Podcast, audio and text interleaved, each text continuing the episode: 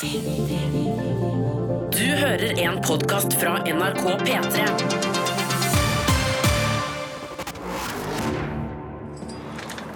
What's your name, Buster?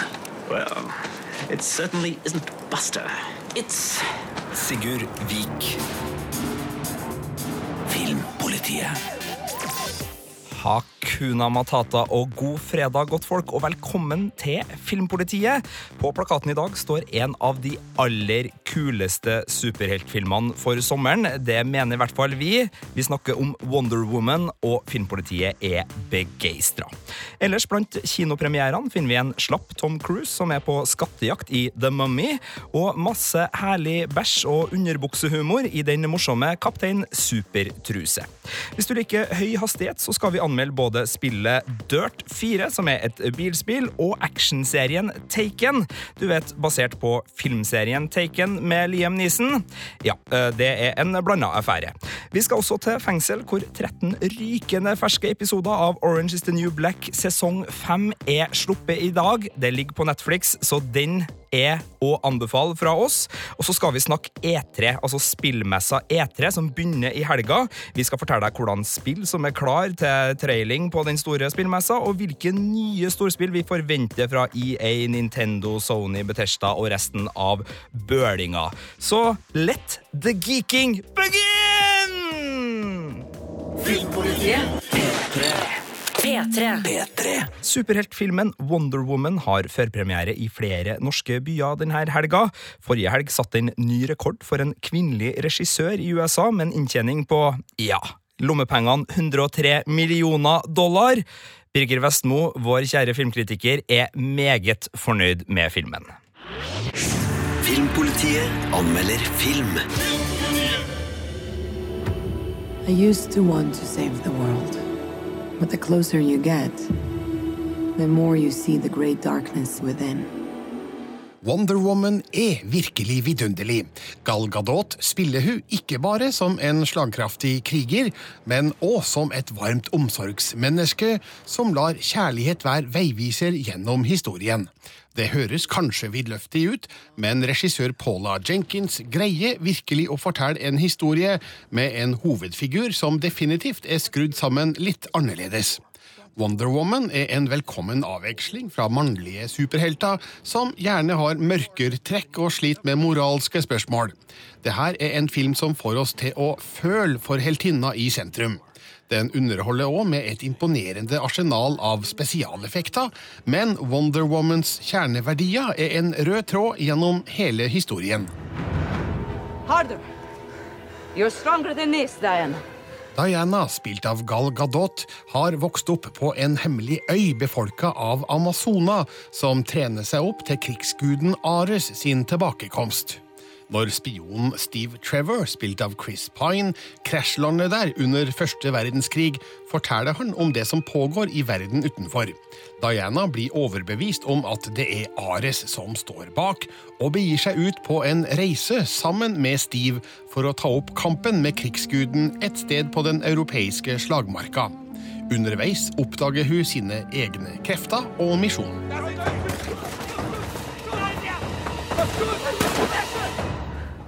Stay here. I'll go gjør en fantastisk figur som Diana. Hun har sjølsagt et utseende som et kamera bare må elske, men har òg evnen til å formidle en figur med hjertet på rett sted, sjøl om hun innledningsvis har en naiv holdning til det som foregår rundt hun. Hennes reaksjoner på menneskets ondskap er likevel forståelig. I utgangspunktet tror hun på mennesket som godt og fredelig. Opplevelsene under første verdenskrig får hun til å innse at det nok ikke er så enkelt, slik det heller ikke er i det virkelige liv. What er you? You will soon find out. Wonder Woman er lett den beste DC-filmen til dags dato. Her utløses DC-universets fulle potensial, der figurene brukes til å fortelle en historie som så avgjort engasjerer med sine moralske problemstillinger og diskusjoner om menneskehetens ødeleggelsesinstinkt.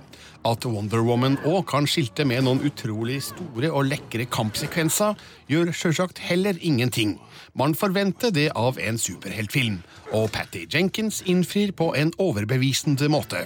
You expect a battle to be fair! A battle will never be fair! Terningkast fem. P3. På kino og skjermer i det siste så har det hopa seg opp med eh, Kall det Hollywood-kannibalisme, i mangel på et bedre ord. Altså ting som har blitt gjort før, og som gjøres igjen. Kino nå så kan du gå og se Baywatch. Vi har fått eh, 24, vi har fått tilbake Prison Break, vi har fått tilbake MacGyver, vi har fått tilbake Gilmore Girls, vi har fått tilbake Fuller House, vi har fått tilbake Point Break ja, altså Alt ramler tilbake. Av og til så funker Twin Peaks. Jeg likte kjempegodt. Koselig at det kom tilbake. X-Files Nja, ja, ikke sant? Det er litt sånn sjangervariasjoner. Og nå denne uka så har vi fått tilbake Taken. Eh, filmserien Taken med Liam Neeson i hovedrollen starta jo med en knallfilm i 2008. Jeg digga den filmen. En skikkelig real actionfilm om hevn med en mann som hadde et unikt sett med egenskaper. I serieversjonen, som skal da ta for seg hvordan han fikk de her egenskapene, så er det ikke Liam Neeson som spiller, det er Clive Stanton, kjent som Rollo fra serien Vikings, for dem som eh, digger den. Og um, ja det er noe sånn passe, da. Begynte på TV3 og Viafree denne uka, og her er det jeg syns om den. Filmpolitiet anmelder TV-serie.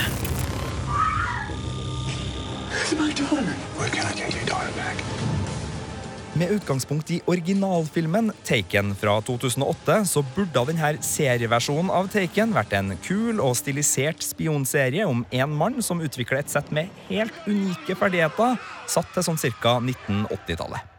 I stedet serveres vi en lettvint actionserie med en ganske ukarismatisk hovedperson som løser friksjonsfrie spionoppdrag sammen med en uinteressant soldatgjeng, eh, satt til 2017. Serien har sine gode sider, først og fremst gjennom rikelig med ganske gode voldssekvenser, men det som foregår mellom beinbrudd og skuddsalver, er rimelig kjedelige greier. Den tidligere elitesoldaten Brian Mills, spilt av Clive Stanton, mister søstera si i det han tror er en terroraksjon, men som viser seg å være en hevnaksjon retta mot han. Drapsetterforskninga fører Mills inn i en hemmelig spesialstyrke av etterretningsagenter som overstyrer både FBI og CIA, og rapporterer direkte til presidenten. What I en mann som er who is wired to protect others. You're recruiting me. Don't let Callie die for nothing. Serieskaper Alexander Carey har gått for et stort rollegalleri framfor å dyrke hovedpersonen i denne serieversjonen av Taken.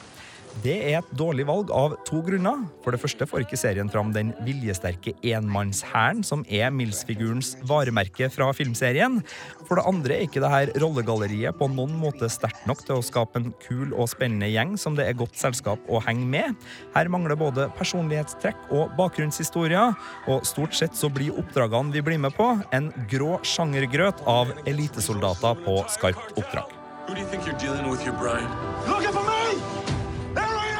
For dem som er glad i lettbeint actionunderholdning servert i kjappe 45 minutters doser, så er det bare å sjekke ut Taken. Det er mye kjent og kjært i både skurker, slåssing, flørting og humoristisk kjekling. Men hvis du irriterer deg over unødvendige plotthull, middels skuespill, pratsomme overforklaringer, overdreven amerikansk patriotisme og skamløs utnytting av gamle filmsuksesser, så er det bare å styre unna.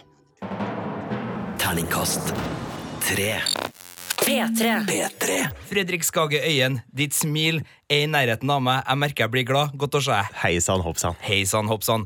Du er fordi vi skal rett og slett kose oss med å prate om noe vi begge er veldig glad i, Det skal vi. nemlig bilspill.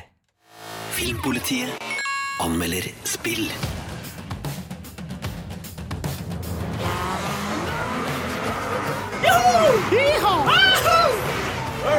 Yes, yes. Ah, lyd fra spillet Dirt 4 her, og mm. jeg er bare sånn at jeg jubler for at jeg hører at det er bilkjøring og kul musikk og sånn, for jeg har jo ikke spilt det her ennå. Men du har sittet og tilbrakt alle de ti etter at du har levert eksamenene dine med å spille Dirt 4. Eh, Bare sånn veldig kjapt, det er et bilspill, men hva slags bilspill er det her? Det er et helt fantastisk bilspill.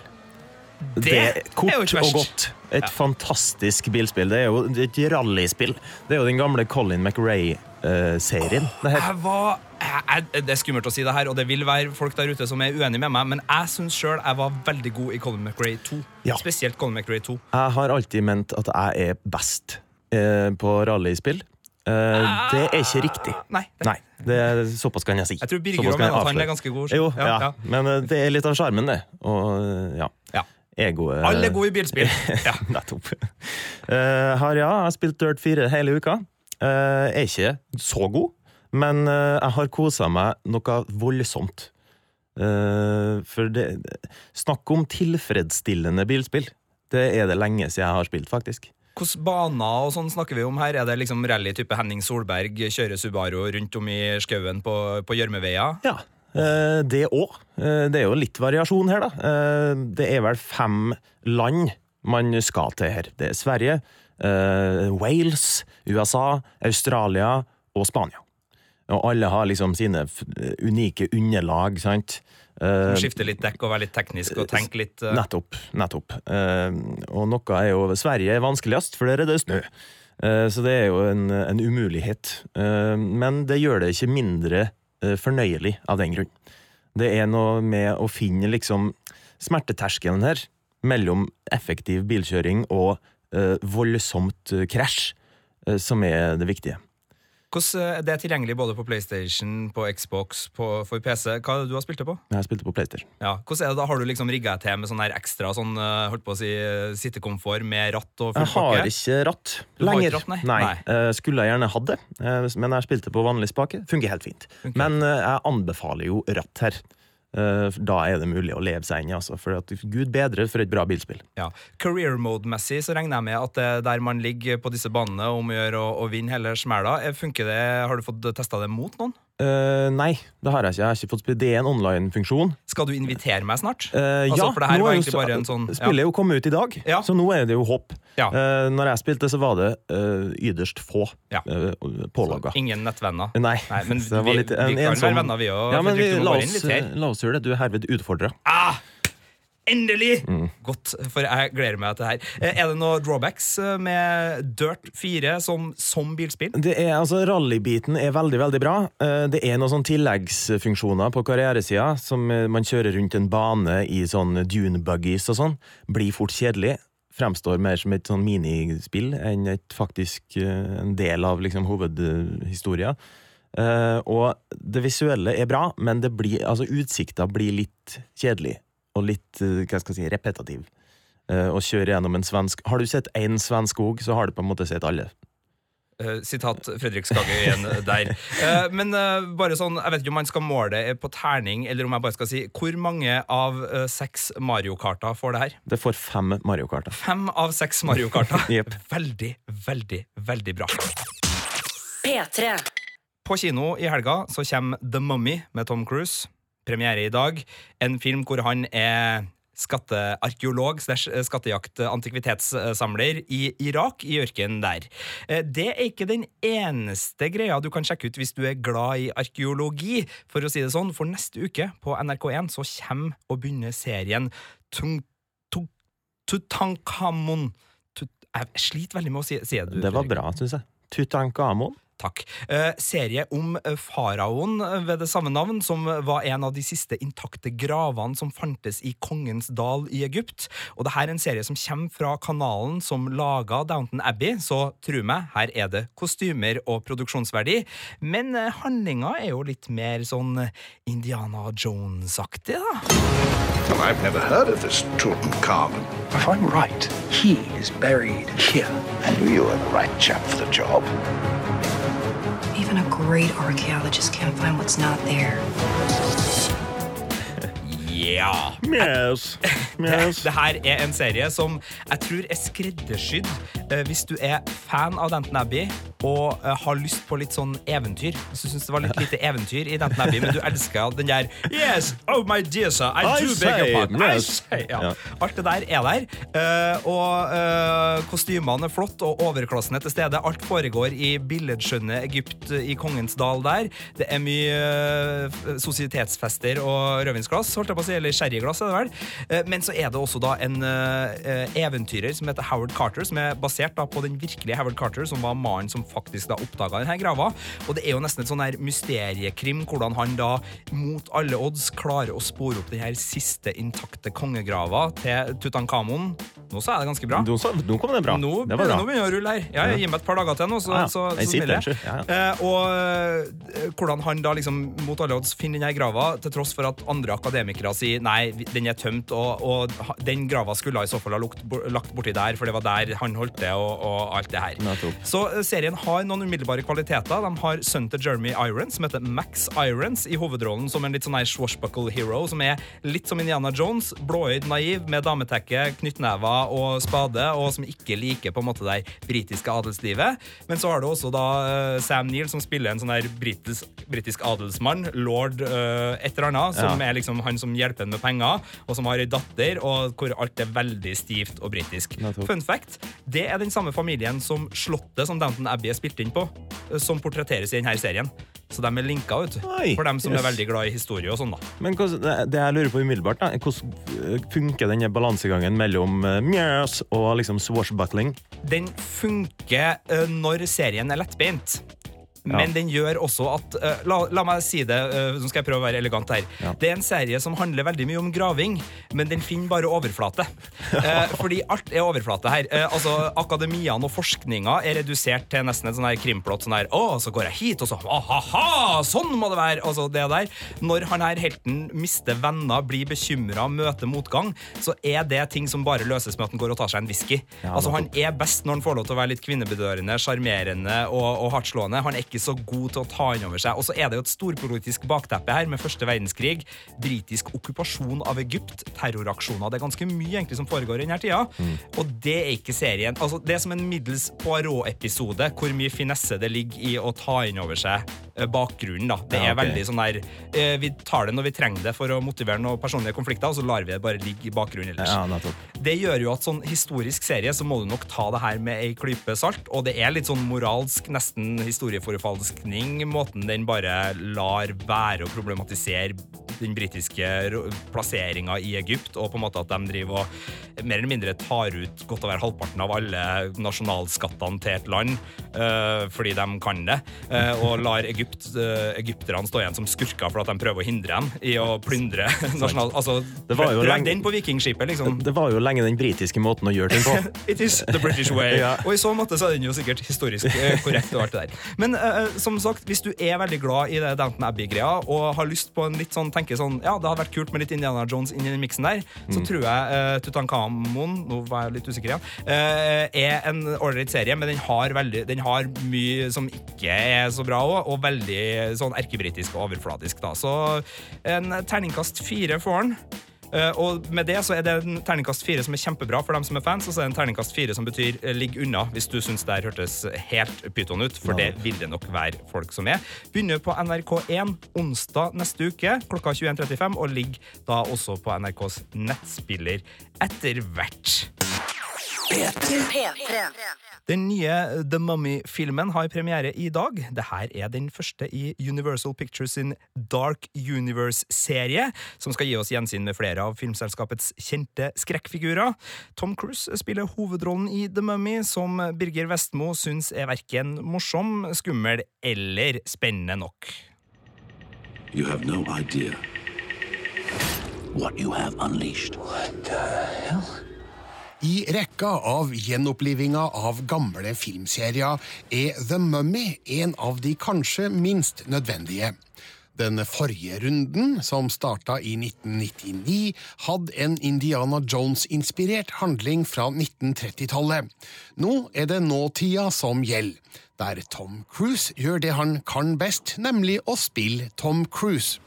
Den tilnærminga fungerer i de kjølige Mission Impossible og Jack Reacher-filmene, men nå forsøker han å spille en eventyrer, og har ikke den fargerike personligheten eller glimtet i øyet vi har lært å forvente av en slik figur.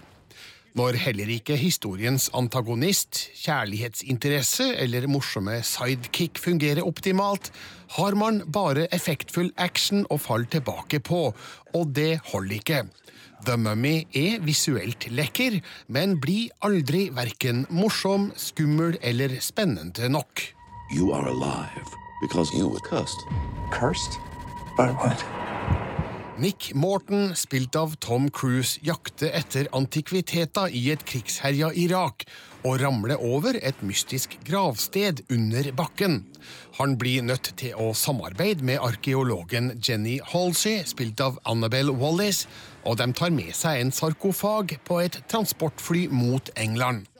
Underveis blir mumien av den egyptiske prinsessa Amanet, spilt av Sofia Botella, uheldigvis vekka til live med dramatiske konsekvenser.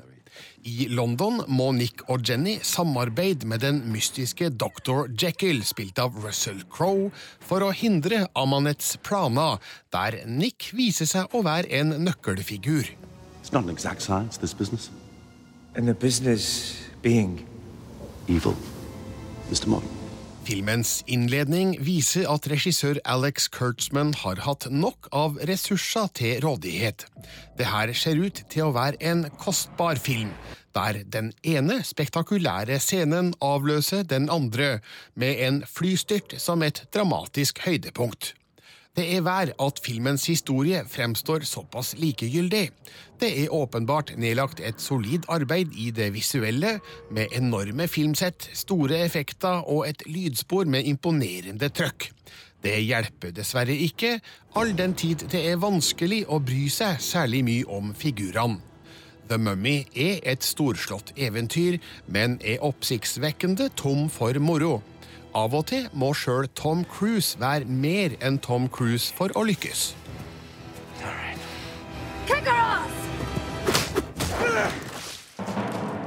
Terningkast tre. P3. Fredrik Skage Øyen, min våpendrager. Ehm, det var faktisk en litt dårlig inngang på akkurat det her nyhetsstykket. Fordi si. vi skal starte en plass eh, som er betent for veldig mange. Eh, det er nemlig sånn at det kom nyhet denne uka om at 22. juli eh, skal få en drama-TV-serie som skal ta for seg hendelsene. Det skal ikke handle om sjølve terrorangrepet på uh, Utøya. Det skal ikke handle om Behring Breivik, men det skal handle om hvordan 22. juli har påvirka oss som nasjon, og da menneskene rundt i etterkant. Det er meget erfarne folk som skal stå bak det her. Det er Sara Johnsen som har manus, og det er Pål Slettaune som har regi. To uh, veteranregissører i Norge, det her. Og uh, det er klart, det har skapt reaksjoner, det at NRK, for det NRK som skal, skal sende det her, sannsynligvis høsten 2019 skal det muligens være klart. Det har skapt reaksjoner allerede. Noen syns det er rart at en dramatisering skal skje, mener at det kanskje burde ha vært mer naturlig med dokumentarserier. Andre har reagert på at det ikke skal handle om f.eks. Behring Breivik og hans historie, eller eh, handle om eh, hendelsene på Utøya, men eh, det her eh, blir jo forklart av de som skal lage det, om at de ønsker ikke å eh, lage en serie om det. De ønsker å se på hvordan det her uh, farga Norge, og hvordan det påvirka Norge som nasjon. Så det er deres eh, ønske med denne serien.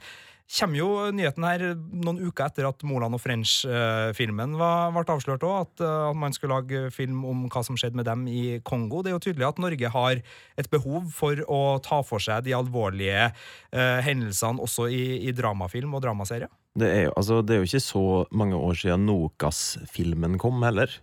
Så det er jo en ikke. tradisjon for det, ja. Og jeg må jo si at jeg forstår både grunnen til at de vil lage serien, og reaksjonene. Eh, Ja. For det er jo et vepsebol, det her. Eh, Men alle som er norsk, har jo på en måte kjent ringvirkningene av det, her på kroppen.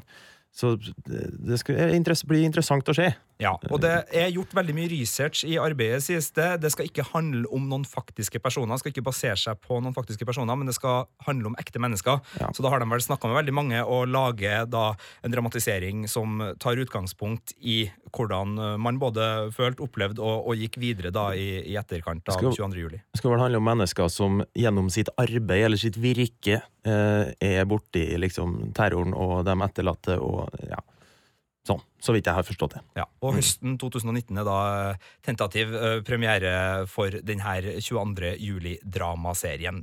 En annen dramaserie som NRK har hatt lyst til å få på, og som det er lagt av veldig mange millioner til å lage, er Profitøren. Det har et budsjett på 82 millioner og skal handle om krigsprofitører fra andre verdenskrig.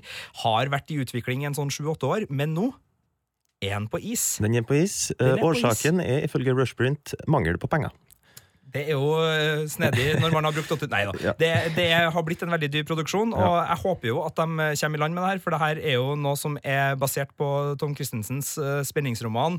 Med, man møter en historiker som kommer på sporet av en krigsprofitør i, i et rederi uh, under krigen, og så er det en lokal krigshelt som dør, og så kommer det fram at han har blitt pressa hele sitt liv for å holde tett om rederiets virksomhet under krigen. Altså, det ligger jo mye spenning her, igjen, som uh, mange andre. Vi tar tak i ting som uh, er betent, og som er i vår egen historie, men her er det jo avstanden ganske mye større, og kanskje fiksjonselementet også eh, en del større enn eh, den 22. juli-serien som vi snakka om her. Men eh, håper de får profitøren på beina igjen. Eh, Det er Rushprint som, som skriver om det her. Og mm, det skal også være en NRK-serie, så for NRK sin del så er det jo for gærent hvis de mister en sånn gigadramaproduksjon. Vi, vi trenger en, en serie om eh, krigsseilerne, gjør vi ikke det? Det kan vi godt få, men trenger vi en serie om et tog som går rundt verden i en postapokalyptisk verden der klasseinndelingene er sånn at de rike bor framerst i toget, og de som bor bakerst i toget, er lutfattige og har det trasig? Altså, noen mener det. Noen mener det. Jeg vet ikke om uh, man husker filmen Snowpiercer, som jeg syns var en helt nydelig actionfilm. Vi har nevnt det før her i Filmpolitiet. Det skal lages TV-serie av Snowpiercer. Det har liksom vært rykter om det, i hvert fall. Har du sett den, eh, Fredrik? Jeg har ikke det. Se den. Ja. Jeg anbefaler å se Det- Snowpiercer. Og jeg var mm. først når det var sånn her, ok, TV-serie, det kan bli litt tacky, i hvert fall hvis budsjettene ikke er helt på stell og sånne ting. Vi har anmeldt Taken tidligere i sendinga her, som var ganske så fæl. Men Jennifer Connolly, Barnestjerna fra Labyrint og et knippe helt utsøkte filmer er nå bekrefta som skuespiller. Det syns jeg gjør at denne den her togmotoren begynner å få litt drivstoff som jeg liker. Så jeg har litt trua på at Snowpiercer kan bli en uh, ok TV-serie nå. Det blir i hvert fall Snowpiercer-TV-serie. Ja. Det er ganske kult. Det er jo kult. Filmpolitiet.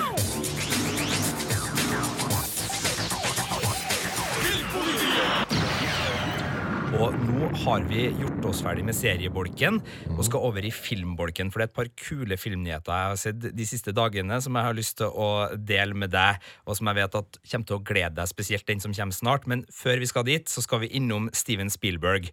Forholdsvis kjent regissør. Forholdsvis. Ganske kul fyr. Ja. Laga mye bra. Ja. Sånn Laga et og annet. laga et og Ja annet. Eh, han skal lage en uh, film i en sjanger som jeg elsker nå, som heter The Papers, uh, som handler om journalister som går mot regjeringa. Det her er satt til 70-tallet, da journalister, jeg tror det var i Washington Post, gikk mot Nixon-administrasjonen for å få frigitt Vietnam-papirer som viser at USA hadde tenkt å eskalere opp krigen i Vietnam. Allerede Tom Hanks og Meryl Streep er kasta til denne filmen. Ryddig. Ryddig. Og det her er jo en sjanger som har gitt oss fjorårets Oscar-vinner Spotlight og min favorittfilm omtrent gjennom tidene, All the President's Men, med Robert Redford og Dustin Hoffman, som er da om Watergate-skandalen. Jeg elsker når journalister får lov til å være detektiver. Digger det. Men det Steven Spielberg har gjort nå, han har kasta alle favorittserieskuespillerne mine også inn i filmen. Bare hør litt på hvem som nå ble bekrefta til The Papers. Det er da uh, Bob Odenkirk fra Better Call Saul. Det er Sara Paulson fra OJ-dramaserien. det er Matthew Reece fra The Americans. Det er Carrie Coon, som spiller både da i Leftovers og Fargo, og en liten bråte til. Det er for mange til å nevne, men fy søren som jeg gleder meg til denne filmen nå. Det er jo helt vilt. Ikke det, sier ikke det litt om liksom, kulturen vi lever i? At det er en stor nyhet? At TV-serieskuespillere går til en film? Jo, men det er jo et herlig er skifte, da. det var jo motsatt Ja, før. men nå, er, nå er jeg tilbake igjen. Men du må ikke glemme at Johnny Depp gikk fra 21st Jump Street til filmen. vet du. Det Så det har alltid gått gode skuespillere fra TV-serier til film. eh, Fredrik. Eh, apropos gode skuespillere. eh, Hvilket forhold har du til Nicholas Cage? Åh, det er et godt, et veldig godt forhold. Jeg òg har et veldig Ja. godt forhold til Nicholas Cage. Jeg har faktisk eh, kompiser som vi setter oss ned og ser altså Nicholas Cage lager veldig mye filmer, Mm. og en, en del kommer sånn rett på DVD, og da henter vi dem, liksom, så setter vi oss og ser, og så venter vi på ett bestemt øyeblikk, nemlig da Nicholas Cage cager. Altså da han blir helt vill i trynet og begynner å rope og brøle mot en eller annen uheldig motskuespiller. Eh, og grunnen til at jeg snakker om det her nå, er at Nicholas Cage er nå bekrefta for en ny eh, thriller som skal hete Mandy, som han skal sette i gang og spille inn nå. Hvor han skal spille en eh, haunted mann som har mista kona si, som har blitt slakta av en religiøs sekt. Og oh. jeg vil jo anta at Nicholas Cage da skal ta hevn her. Her skal det rages! Det skal rages. Det skal cages. Det skal cages! Eh, jeg har mm, eh, et lite utsnitt fra en en film som jeg satt og så her om dagen sammen med noen kompiser, hvor vi lidde oss gjennom en helt begredelig uh, Nicholas Cage-film som het uh, jeg tror det var Trust No One eller noe sånt. Ingenting bra. Og så kommer det her. Open it! Open it! Open it! Open it! Open it! Open it! Open it! Open it! Open it! Open it! Nicholas Cage, ass. Jeg bare liker Nicholas Cage. For det er et eller annet med ansiktet hans. Og tenk deg, og det smusstillegget du skal ha for å spille mot Nicholas Cage. Alt det spyttet du får i ansiktet når han bare Oberyn, Oberyn, Oberyn, Oberyn, Oberyn. Åh. Så Mandy uh, Nicholas Cage skal spille inn Mandy. Han skal ta hevn nok en gang. Det er bare å begynne å se Nicholas Cage-filmer og kose seg med god caging. tenker jeg rett og slett. Altså, det er noe av det fineste som fins. Oberyn! Oberyn! Oberyn! Oberyn! Oberyn! Oberyn! Oberyn! Oberyn! P3. P3. Filmpolitiet anmelder TV-serie. If we want to turn this place right, we have to speak as one united group. Who's in? Orange is the New Black skrur opp aggresjonen, men beholder humøret i en knallgod femte sesong. Det her er virkelig godt serieselskap. Serien har de siste årene på forbilledlig vis klart å rullere på sine hovedpersoner, og har nå utvikla et av de aller beste rollegalleriene blant de amerikanske prestisjeseriene.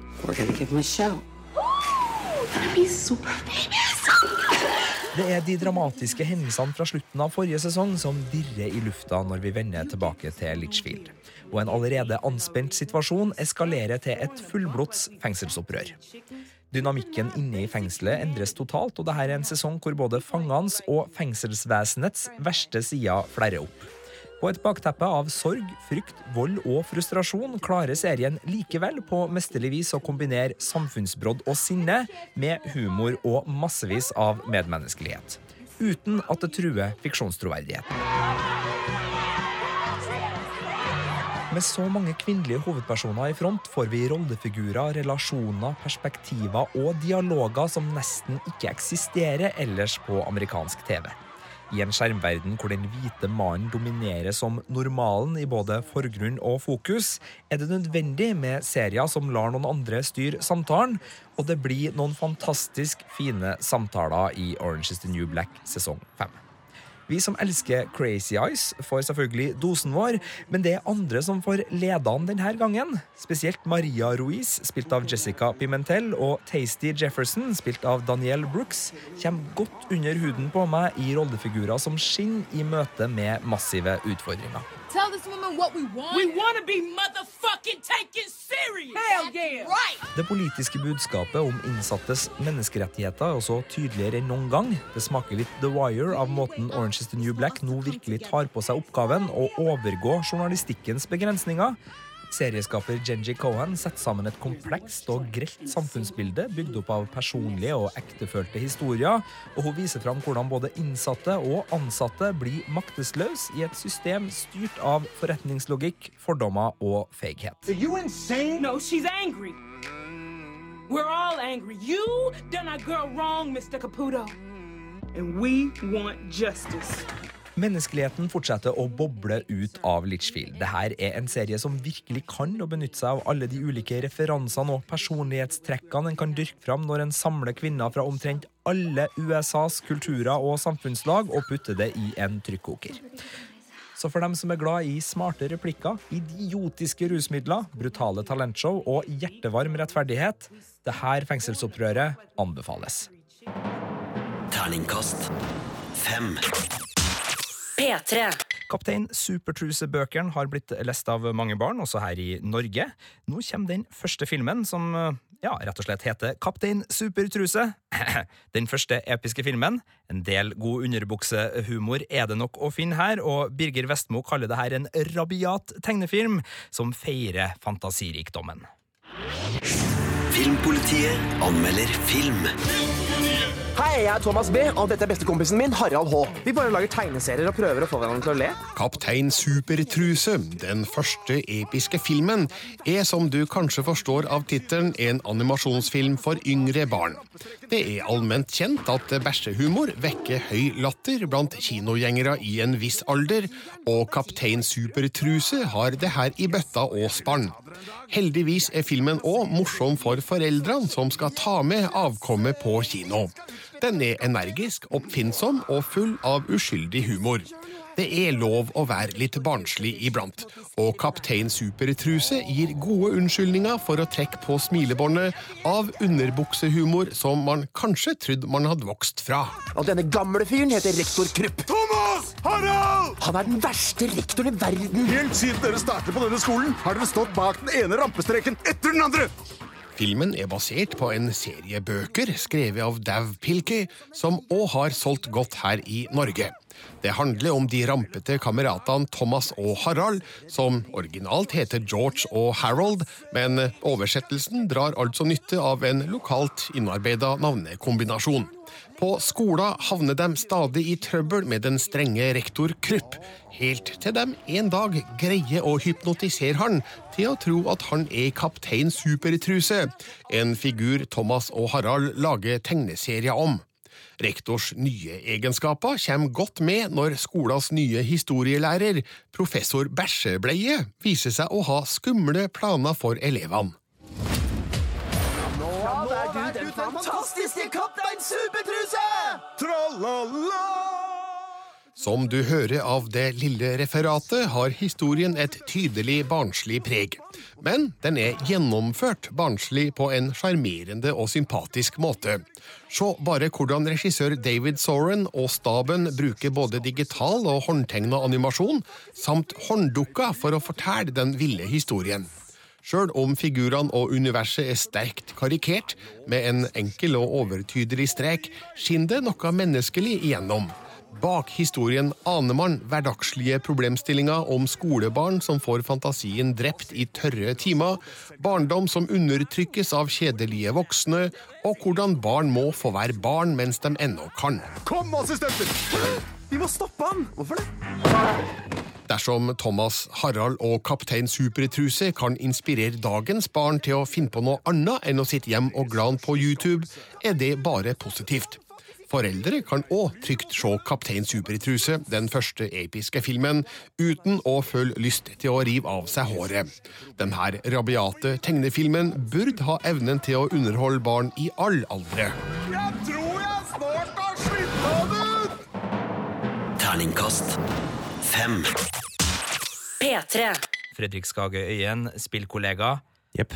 Det er E3. Spillmessa E3 i helga. Begynner på lørdag. Bare sånn veldig kort riss. Hva er E3 for noe? E3 er verdens største spillmesse. Det er vel på mange måter spillbransjens svar på Steinkjer-martnene. Eh, ok. bare- ja. Ja, der det skjer, da. Det er Man der det skjer. Det er der det skjer. Det er der Ja. vi får nyheter nå om de store, største spillene. Det er storguttene i spillbransjen. eh, Og storjentene. Og storjentene, ja. ja, ja, ja. Eh, Det er der, det er der de står oppe på scenen og, og flekser og viser oss hvilke godbiter vi har i vente. Ja, Først så starter da på lørdag og varer til sånn cirka tirsdag med et slags pressekonferansebonanza, hvor alle de store spillselskapene, da snakker vi EA, vi snakker Sony, vi snakker Nintendo osv., osv., lanserer sine nyheter med trailere og diverse.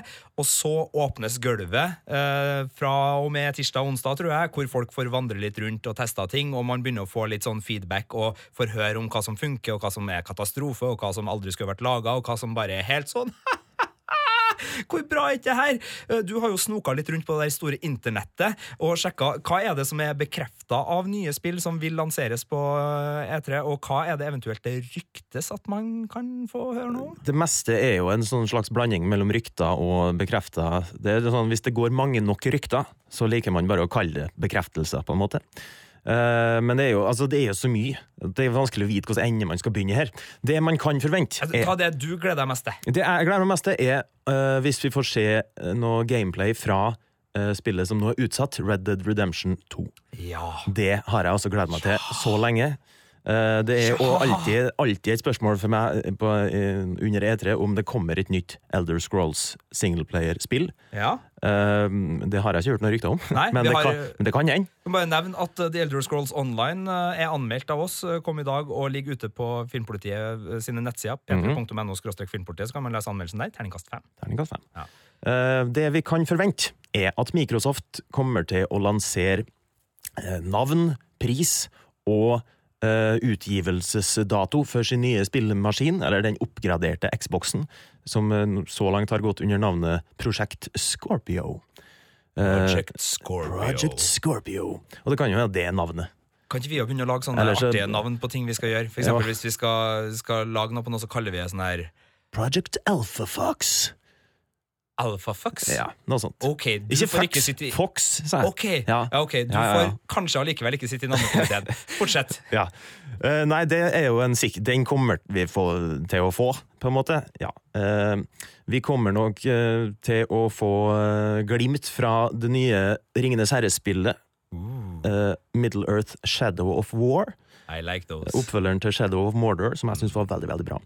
Eh, vi kommer til å få se Assassin's Creed Origins, et spill som har vært utsatt for enorme mengder lekkasjer i det siste. Til og med eh, lekkasjer i T-skjorteform. Ja, det var der vi fikk navnet på hovedpersonen gjennom ei T-skjorte. Og så var det den personen som sannsynligvis er regissøren, men som ikke er bekrefta regissøren, som lika det bildet, eller et eller annet sånt der, og så sånt. begynte ryktene å gå. Ja. Bekrefta, som vi liker å kalle det. Det Ja. vi, det vi ikke får se, Ah. det er bekrefta at det ikke blir uh, fremvisning av Death Strand, uh, Stranding. Ja. Death Stranding, eh, det nye spillet som er under utvikling av eh, Hideo Kojima, han Metal Gear Solid-skaperen. Ja, Fordi jeg har sett litt fra det her. Fordi det der uh, regissør uh, Guillermo del Toro, Mats Mikkelsen og han ene fyren fra The Walking Dead Norman Reedus. ja, er skuespillere, som man ser dem i traileren. Det ser jo helt latterlig lite tilgjengelig ut, det vi har sett av trailere på det.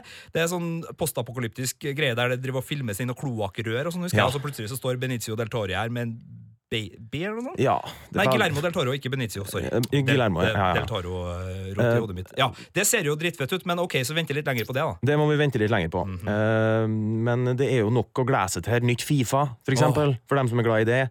Eh, Star Wars Battlefront. Football in space, da, Eh, kanskje. får se, jeg regner med vi får se hva Kommer du til å bli glad for? Jeg regner med uh, South Park The Fractured But Whole, som kommer i høst. Jeg regner med at vi får se noe klipp eh, og, div fra det. Apropos foster, som eh, sannsynligvis man må ta bort på, og masse usmakelig humor. Og det er det vanskeligste på det forrige Stick of Truth, er å få til abortene. Jeg sliter bestandig med, For de er jo sensurert i Norge, så man får ikke øvd seg på abort før man skal inn og slåss mot uh, siste boss. eh. Veldig dårlig okay. på abort. Ja. Mye uh, South Park fra meg her. Beklager det. Bra eh, spill det forrige. Gleder meg til neste. Mm.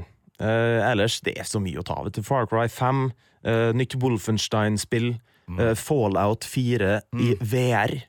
Virtual reality Fallout ryktes. Eh, nytt Quake-spill, nytt Doom-spill, kanskje. Jeg stopper deg der, jeg. Ja. Fordi eh, det som er så fint, da, er at du skal jo følge alle det her eh, sakene og tingene for Filmpolitiet og legge ut saker på nett og si fra på sosiale medier og sånn når det skjer kule ting. Så for dem som er gira på å følge med hva som kommer fra E3, så er det bare å følge med på Filmpolitiets kanaler, enten det er på Facebook, på p3.no filmpolitiet, eller kanskje til og med på Twitter, for dem som fremdeles bruker den slags, Instagram osv. Følg med der, for Fredrik han skal ikke få lov til å sove på fem-seks dager nå. Det skal bli med en fryd. Filmpolitiet. Filmpolitiet. Les mer om film, spill og serier på p3.no Filmpolitiet. Eh, Det er jo sånn at eh, det kommer en del filmer på det som kan kalles video eh, hver uke. Det være seg DVD, Blu-ray, strømmetjenester. Det er jo ting man kan kose seg med i sofaen og slappe av med, og da er det jo greit for oss i Filmpolitiet å si litt om det er bra eller ikke, det også. Denne uka er skrekkfilmen The Bye Bye Man tilgjengelig, så alle folk som digger skrekk, har jo liksom muligheten til å sette seg ned og se den, men det mener vi egentlig at du kan la være å gjøre. Filmpolitiet anmelder film. He's real. If you say his name, or even think it, he'll come for you. Det burde være unødvendig å vise den amerikanske grøsseren The Bye Bye Man på kino. Den mangler alt av originalitet, er oppsiktsvekkende lite skummel og har veike skrekkeffekter. Regissør Stacey Title kun fått fart i sakene med et blodigere og saftigere innhold, men feiger ut konsekvent og har trolig vært bundet av kravet om en lav aldersgrense. Noen forvirrende forstyrrelser av hovedpersonenes virkelighetsoppfatning er nesten det eneste som er verdt å sette pris på i denne filmen, som burde gått rett til leiemarkedet. The Bye Bye Man er skuffende svak skrekk. It's like now that I know his name, he's coming for me. And the more I try to get rid of it, the bigger it gets. Studentene Elliot, spilt av Douglas Smith, John, spilt av Lucian Laviscont, og Sasha, spilt av Cressida Bonas, leier et stort hus utafor campus. Snart begynner de å oppleve merkelige ting i huset.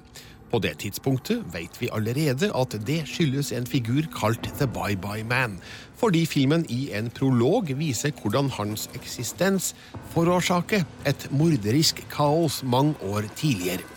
Vennene begynner å nøste opp i mysteriet og finne ut at forbannelsen de har utsatt seg for, ikke er så lett å bli kvitt. What happened? You're gonna tell me, you know that? Please don't make me say it. Don't say it, don't think it. The Bye Bye Man er basert på novellen The Bridge to Body Island av Robert Damon Schneck. Hva filmskaperne så i historien, vites ikke. Filmen fremstår i alle fall som en dårlig etterligning av bedre Busemenn-filma som Nightmare on Elm Street, Candyman, Sinister og The Babadook. Unge mennesker som uforvarende vekker en ond skapning, har vi sett så mange ganger at man må tilføre noe nytt og friskt.